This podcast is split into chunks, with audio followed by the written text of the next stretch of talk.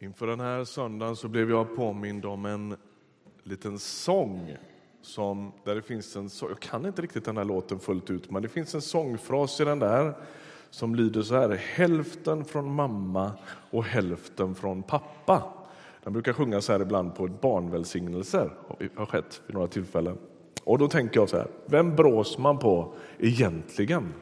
Jag vet inte om du har funderat över det där. Ju äldre man blir, desto fler av de där dragen från sina föräldrar som man hade lovat sig själv att man inte skulle utveckla ser man i spegeln. Några verkar känna igen det. va? En del sådana där grejer som farsan gjorde när jag var liten och jag bara lovade mig själv det där ska jag aldrig göra. Och jag vet ju hur han har berättat hur min farfar gjorde. Och så ser jag, det finns någon sorts, det är inte så enkelt att bryta det där liksom. Va? Man upptäcker en massa saker när man ser sig i spegeln. För, några, för två och ett halvt år sedan ungefär så, så dog min mamma och då kommer man i ett läge när man måste fundera lite över det där. Vad fick man med sig? Vem har präglat en med vad i livet och så?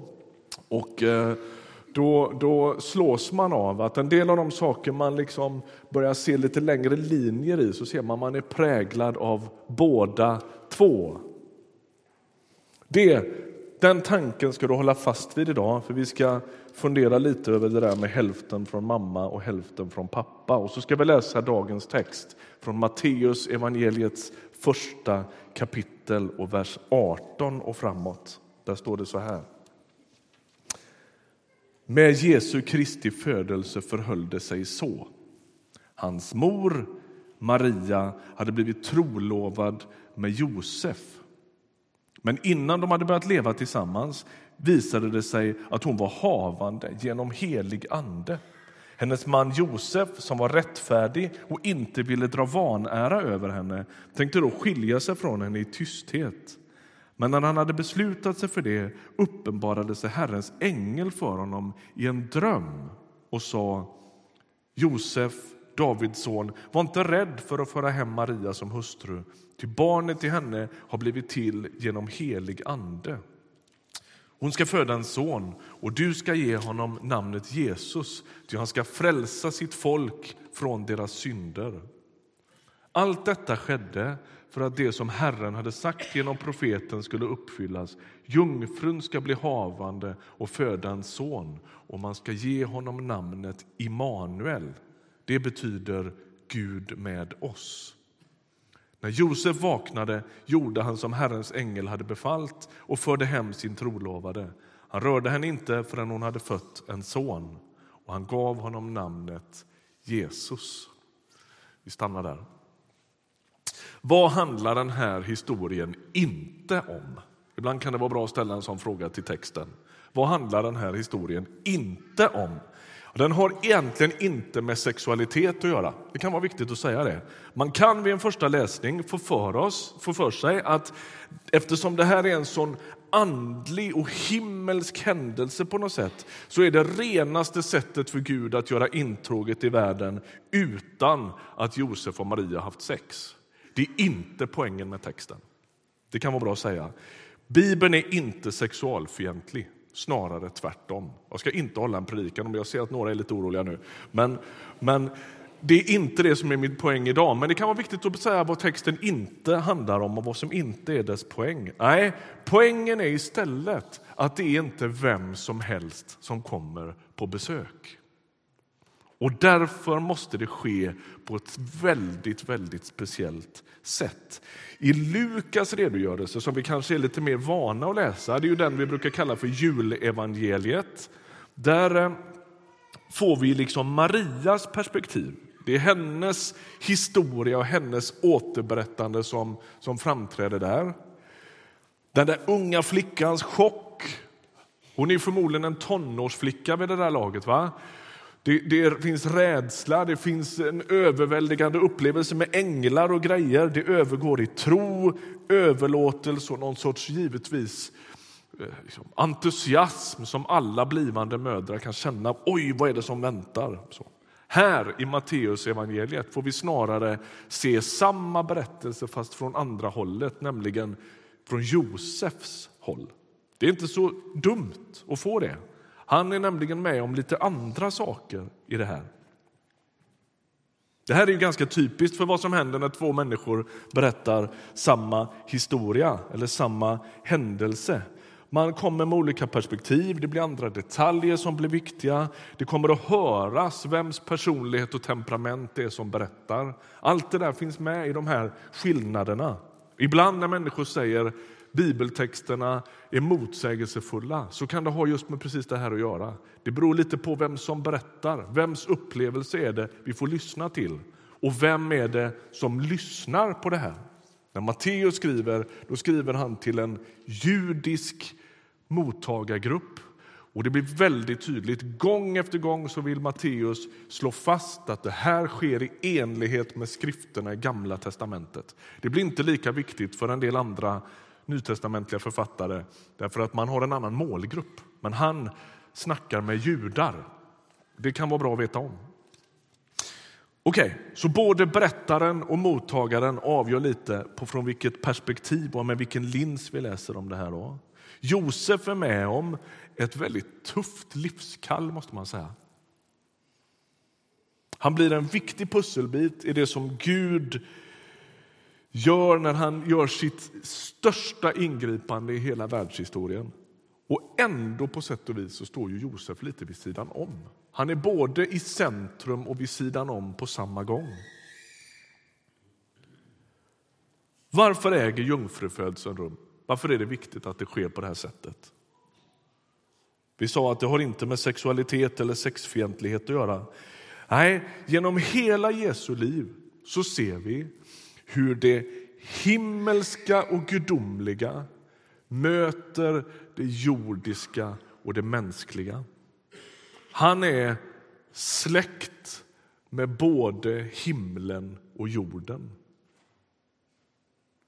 Och Det är skälet till varför det här sker. Det är som att det är en vägkorsning i Jesu liv där den gudomlige Fadern i himlen och den unga jordiska flickan från Nasaret möts. Och där, i den vägkorsningen, föds Jesus till jorden. Människa? Ja. Gud? Ja. Han är hälften från mamma och hälften från pappa. Vi kommer tillbaka till det där med hälften, för det är lite lurigt just i det här fallet. Men låt den frågan hänga. Jungfrun blir havande och Jesus Kristus har Maria till mamma och Gud till pappa. Det här är ett mysterium. Du som tänker det där har jag lite svårt att förstå. Välkommen i klubben. Det är ingen av oss andra som gör heller. Men det är den, det under och det mirakel som Bibeln beskriver händer. När Gud träder in i mänskligheten då sker det på extraordinära sätt. Och Poängen med det, det är just det centrala som finns i den här texten. Nämligen att Jesus kommer att kallas Immanuel, Gud med oss. I, i ett par stycken bibeltexter i Nya testamentet så finns det man brukar kalla för kristologiska texter, alltså lite större utläggningar om Jesu natur. Paulus står för båda de lite rejäla kristologiska texterna. Den ena inleder Efesiebrevet, den andra inleder Kolosserbrevet. De är ganska lika. Och I Kolosserbrevets första kapitel så beskriver Paulus vem det är som kommer egentligen.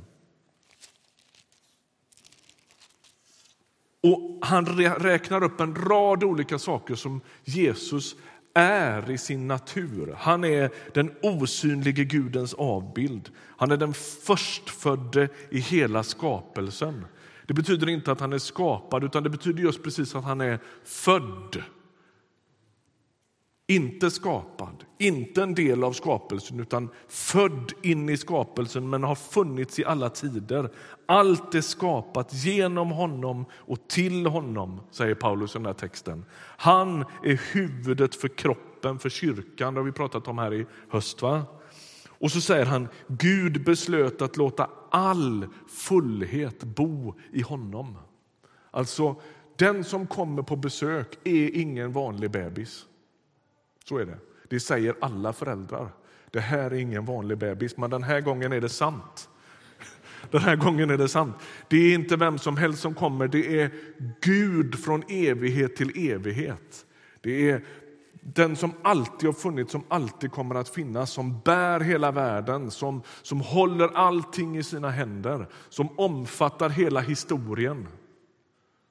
Som fanns innan historien började och som finns efter historien började och som, eller slutar och som finns hela tiden och som har all makt, som kan vad som helst. Som är hela syftet med hela skapelsen. Allt är skapat genom honom. Han fanns med när det skapades, men allt är också skapat till honom. Alltså, han är målet med alltings existens. Allting ska ära honom, allting ska upphöja honom och han är liksom fixstjärnan i hela tillvaron. Det är han som blir bebis. Och då står det så här i Kolosserbrevet. Det här, det här är bra. Då, då, då, säger Paulus så här, så här slut efter hela det där. Va? Han har pratat om att Kristi blod stiftar fred mellan människor och Gud. och så. Och så Ni som förut stod utanför att visa ert fientliga sinnelag i era onda gärningar, också er har han nu försonat med sig genom att Kristus led döden med sin jordiska kropp. Så står det. Med sin jordiska kropp. Försoningen sker Precis som Johanna var inne på så, så, så, dör Jesus för hela mänskligheten, för dig och mig och för hela världen.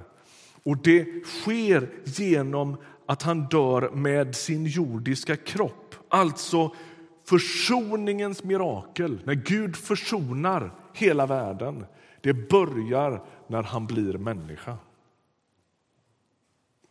Där börjar det. Försoningen handlar nämligen om många perspektiv. Gud förlåter oss våra synder, absolut är det så. Det är viktigt, ett jätteviktigt perspektiv. Men det, det sträcker sig ännu större än så. Han försonar himlen med jorden. Han försonar det gudomliga med det mänskliga. Allt det där som ondskan har slagit isär, det försonar han.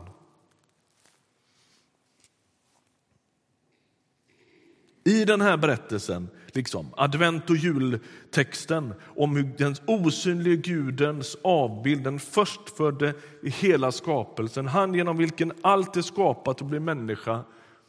Hela den historien den är starten på Guds försoningsverk. Det är här det börjar hända. Och när man kämpade med det här i urkyrkan på 300-400-talet ungefär, då landade man just precis i den där vägkorsningen. Då kommer vi tillbaka till det där med hälften hälften, därför att just här är det lite lurigt. Den bilden haltar. Gud är, Jesus är inte hälften människa, hälften Gud, utan han är fullt ut människa och fullt ut Gud. I honom sker miraklet att han är 200 procent. Alltså, han är 100 procent människa och han är 100 procent Gud. Och det förenas i honom. Vem är det vi möter på de här bibelbladen i evangelierna? Det är den fullödiga människan. Om du vill veta hur människan var tänkt att vara, titta där. Så var det tänkt. Vem är det vi möter där? Ja, det är Gud. Han, säger själv, den som har sett mig har sett Fadern. Gud har aldrig visat sitt ansikte så tydligt som i Jesus Kristus. Vill du veta vem Gud är, läs om Jesus. Han har Maria till mor och är därmed fullt ut människa. Han har Gud till sin far och är därmed fullt ut Gud. Så miraklet är alltså det här. Gud har kommit till jorden.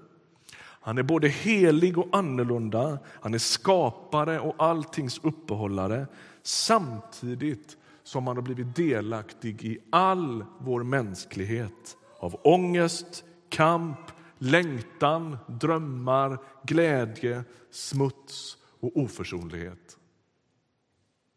Allt det som är ditt liv har han blivit delaktig i. Utan att sluta vara Gud. Han binder ihop det. Han försonar himlen med jorden. Och då är frågan, vad innebär det för vår vardag? Vad predikar egentligen Guds inträde i mänskligheten för oss? Det predikar just precis det där, Immanuel. Gud går med oss. Gud går med oss.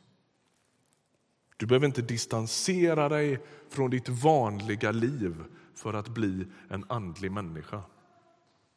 Lyssna på mig, det där är viktigt. Du behöver inte distansera dig från ditt vanliga liv för att bli en andlig människa.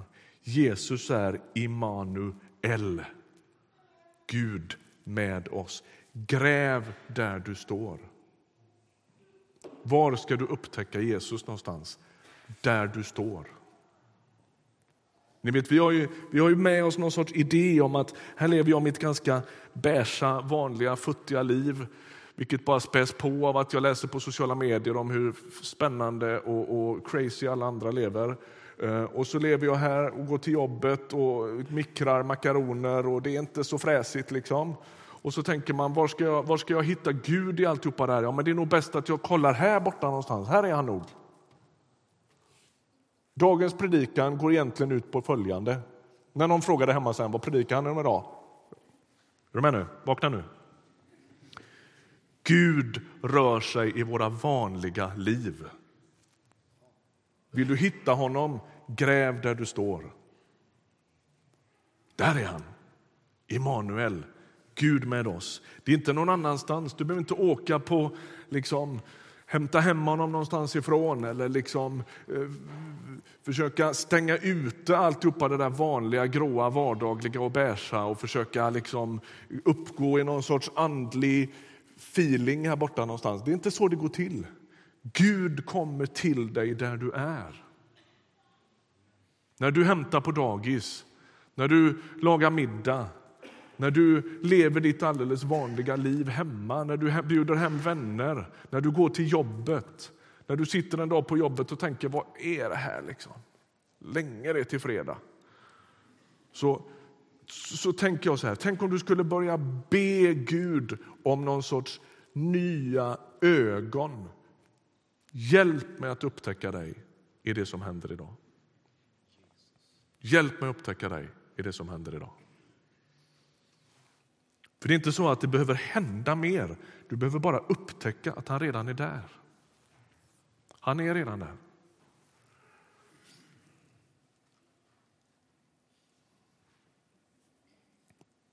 Kristus, han är den där vägkorsningen där det här förenas. Sann Gud, sann människa. Djävulen han kallas i Nya testamentet för flera olika saker, men han kallas för diabolos. Det betyder den som slår isär. Det här har jag sagt många gånger här, men jag slår på min spik. Jag skäms inte för det.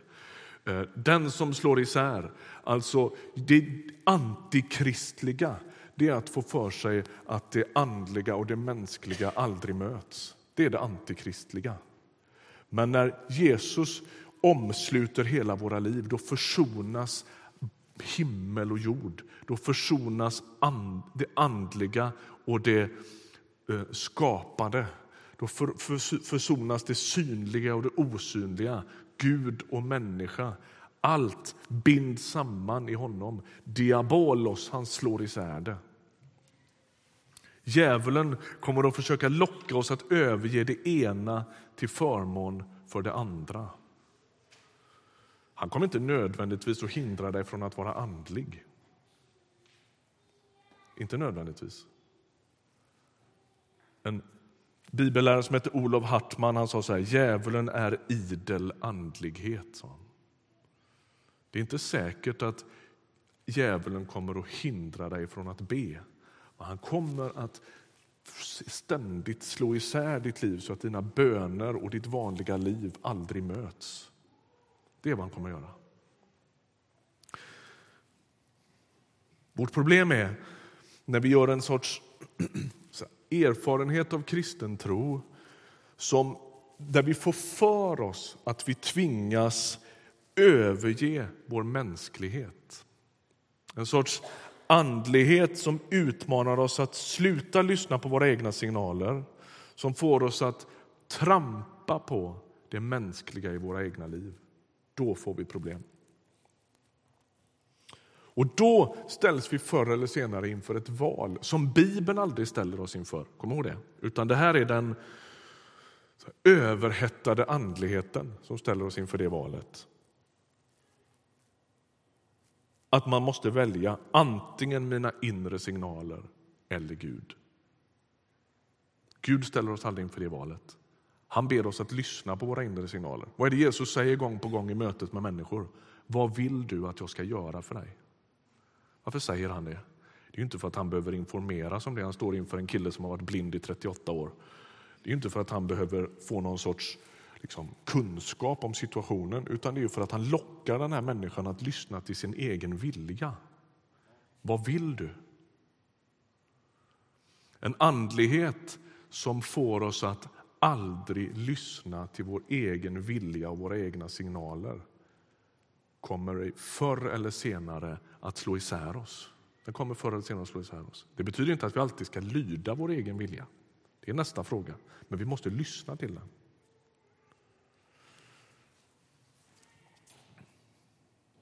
Och vad händer då i den där andligt överhettade, överandliga miljön? Ja, där kan man ju peka på mycket som är bra. Wow, vad det händer mycket fräna grejer. Ja, så kan det vara. Men om man inte lyssnar till sina egna inre signaler, om man inte är lyhörd för vad som rör sig i själen, vad som händer i mitt känsloliv och vilka grundläggande mänskliga behov som behöver uppmärksammas och mötas. Då riskerar något på sikt att hända med mina sinnen. Då blir jag avtrubbad. Jag slutar känna.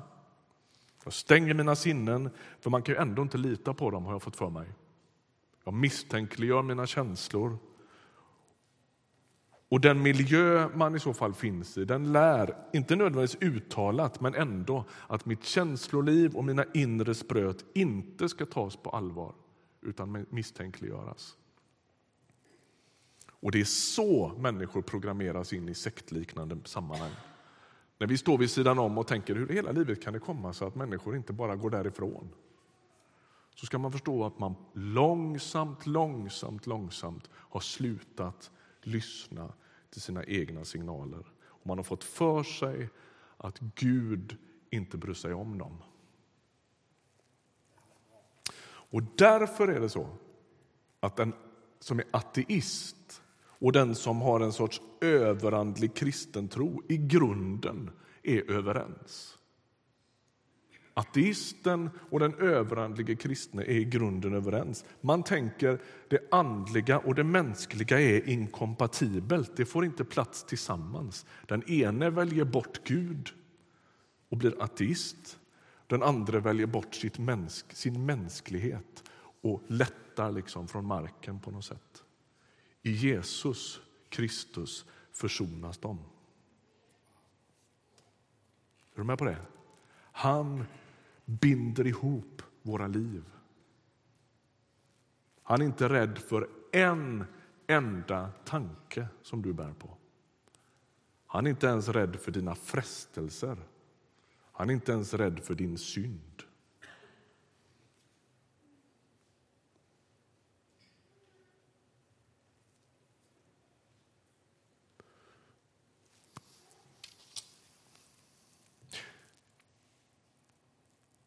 Kristus möts vägarna och Jesus är Immanuel, Gud med oss. Alltså i inkarnationen, inkarnation är ett myskord. Om du vill lära dig ett nytt kyrkord idag så blir det det, inkarnationen. Det betyder att Gud har blivit människa. Karne betyder kött, alltså Gud tar fysisk gestalt. Och Det är vad som händer när, Jesus, när Gud blir människa, Jesus Kristus.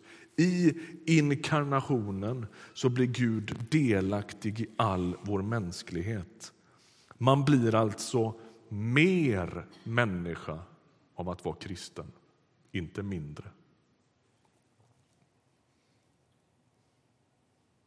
Det han kallar oss in i är inte något främmande utan han kallar oss tillbaks till det det djupaste skapade för.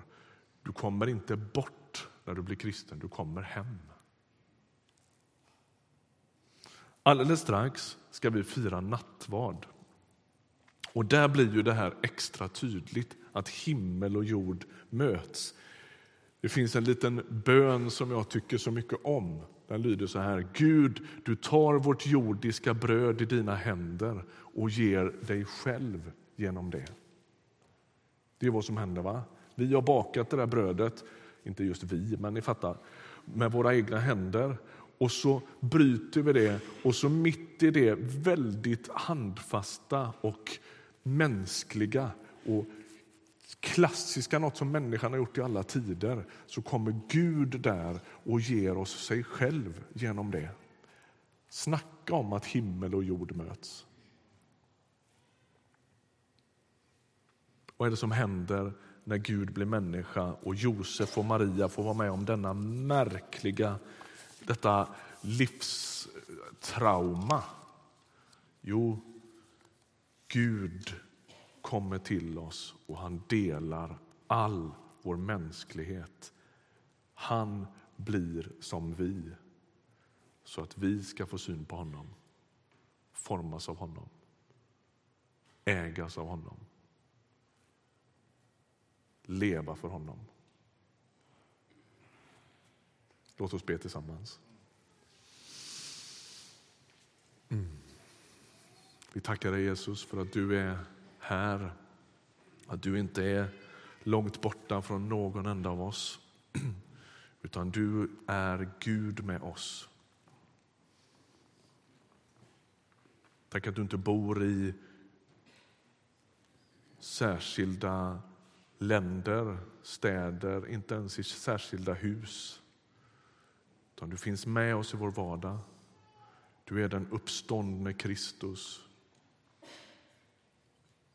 Att du finns på varje arbetsplats där det finns en kristen.